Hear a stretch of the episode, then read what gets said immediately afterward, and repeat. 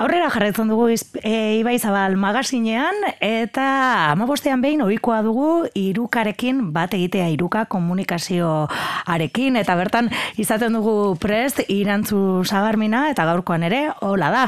Egun hon irantzu? Aztelen onda noi. Bai, eta ohikoa dugu ez, bai, irukan landutako gai batzuk gurera ekartzea eta plentzitik badago historia polit bat ez, e, udal batzak ba, Kanadako herri batekin ba, zenidetzea egin du, ez? E, bueno, Alanda, bai. E, bueno, kontua da, pasan urtean hasi zan apur bat mm historia, e, ba, ba, ondagoan e, ternuan e, plazendia izeneko izen bat, eta, bueno, ba, jatorriari begira, eta gauza bat eta beste ikertzen hasi ziren, eta, e, bueno, ba, argi dau ez, e, plazendia eta plentziak e, ba, lotura zuzena daukatela, izenean baino beste gehiago ere, baduela e, ikertu zuten, eta, bueno, ba, pasan urtean e, plazentiako e, arduradunak izan ziren hemen, eta orain e, udal batzak e, onartu du e, modu ofizialean edo e, zenidetzea. Eta, bueno, ba, kontua da, e, pasadan barikuan, e, Uribe Kosta Institutuko ikasleek ere egindako e, lan bat aurkeztu zutela, e, baleak eta Euskal Herria ekitaldia antolatu zutela zuzen ere, eta bueno, e, apur bat hori izan ez, e, Kanadako e, plazentia herriarekiko zenidetzea bultzatzea zen helburua, eta apur bat, ba, bueno, ba, lortutako testigantzak, abestiak, eta bueno, ba, balearen e, e, historia eta balearra patzaien e, historia eta guzti hori ba, ba, batu zituzten, eta bueno, ba, azkenean e, zenidetze hori e, gauzatu egin da, ezta? Ziurrenik iraganena begiratu duta, ez? E, ba, duela mende batzuk e, plentziako arrantzaleak ba, ternuara joango ziren, ez? Baleen bila edo hortik datorrela, ez? Izen horri edo, suposatzen dugu. Bai, bai, bai, alanda, alanda, bai. E, eta orduen, bueno, horregon dira ikertzen be, bai, ez? Mm Ba, bueno, e, e, ze, ze datu dauden, ze bitxikeria dauden, ez? E, eta bueno, e, apur bat egin zuten e, ekitaldi berezi bat, e, ba, bueno, e, plazentia, plentzia, baleak eta euskal herria apur bat historia hori bebai e, berreskuratuz. Mhm. Eta, bueno, ba, zenidetzea pasan urtean e, bertokoak, angoak e, berton egon ziren, eta urten ba, bueno, beste pauso batzuk ere emateko e, aukera ere badagoela, ez, e, argi utzi dute. Mm e, plentziatik gorlizera goaz eta gorlizeko udaleko behar ginen ekimena ere, ekimenaren berri eman duzu ere, ez, irukan? Ala, handa, ba, ez gara asko mogiduko plentziatik gorlizera, baina, ba, egia da, ez, e, ba, bueno, badara mate e, udaletzeko, gorlizko udaletzeko e, behar ginek e, Euskararen e, inguruko bueno, programa batean e, sartzea erabaki zuten, e, Raul e, kide batek e, gidatu du e, programa hori, eta bueno, kontua zan, ba, bueno, konturatu zirela e, Euskaldunak zirela, ia gehienak, baina ez zutela e, erabiltzen.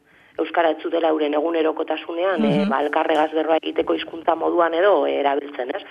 e, gorrizko udaletzeko behatzi beharginek parte hartu dute egitasmoan, eta, bueno, ba, eurek esaten dutenez, e, ba, egia da, e, bueno, iru orduko amar zaio edo egingo dituzte, e, orain kainean izan da azken, eta gero irailean eta urrian uste dute badituztela beste batzuk, baina bueno, programak adibidez e, eure kontatzen duten ez esarri duen gauzetako bat izan da, ba bueno, e, egunero e, euretako bilangile hartzen dutela konpromisoa e, euskaraz egitera, ez?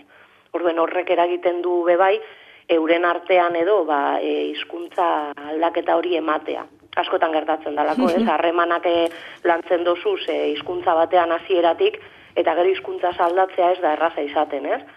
eta hori esaten zuten basieran e, lotzagatik eta e, ba etzutela elkarregaz euskaraz egiten eta ba horrelako pausutxuak eta horrelako ba bueno nik uste bai da askotan kontzientzia kontu hori jartzea ez eta konpromiso hori hartzea eta bueno, ba, eurek esaten duten ez, e, izugarri egin dute aurrera, mhm. eta oso esperientzia e, ona eta benetan e, baliagarria izan dela, ez? Mm Beraz, e, gorlizko udaletzeko beharginak, ez, hizkuntza ohitura hoiek aldatzeko nahian e, murgildu daude.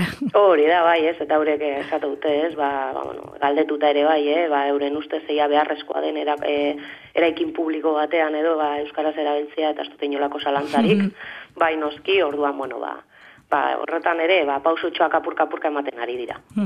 Eta ekainean bete-betean sartuta gaudela ere, hainbate, ekintza kultural ere, ez? E, dituzue eskualdean.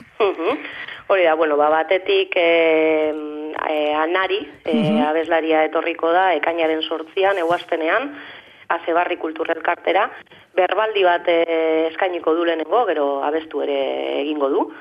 Baina, bueno, baitzordua e, saspiterdietan izango da, eguaztenean. Azebarri kultur elkartea, ez dakigunentzat, e, non dago?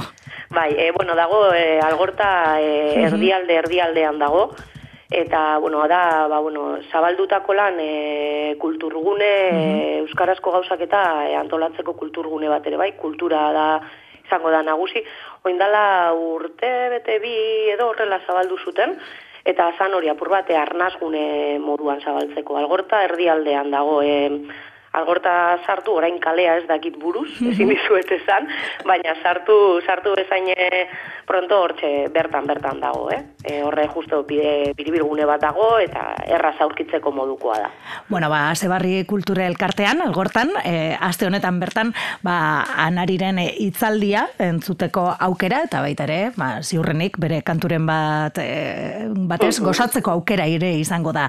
Bueno, ba, huesek e, irukak batu dituen e, e, bueno, kontu batzuk iruka.eu zen, ba, eskualdeko hainbat e, berri gehiago ere batzen dituzuelako. Ba, eskerrik asko inantzu. Eskerrik asko zuei. Bai, agur. agur.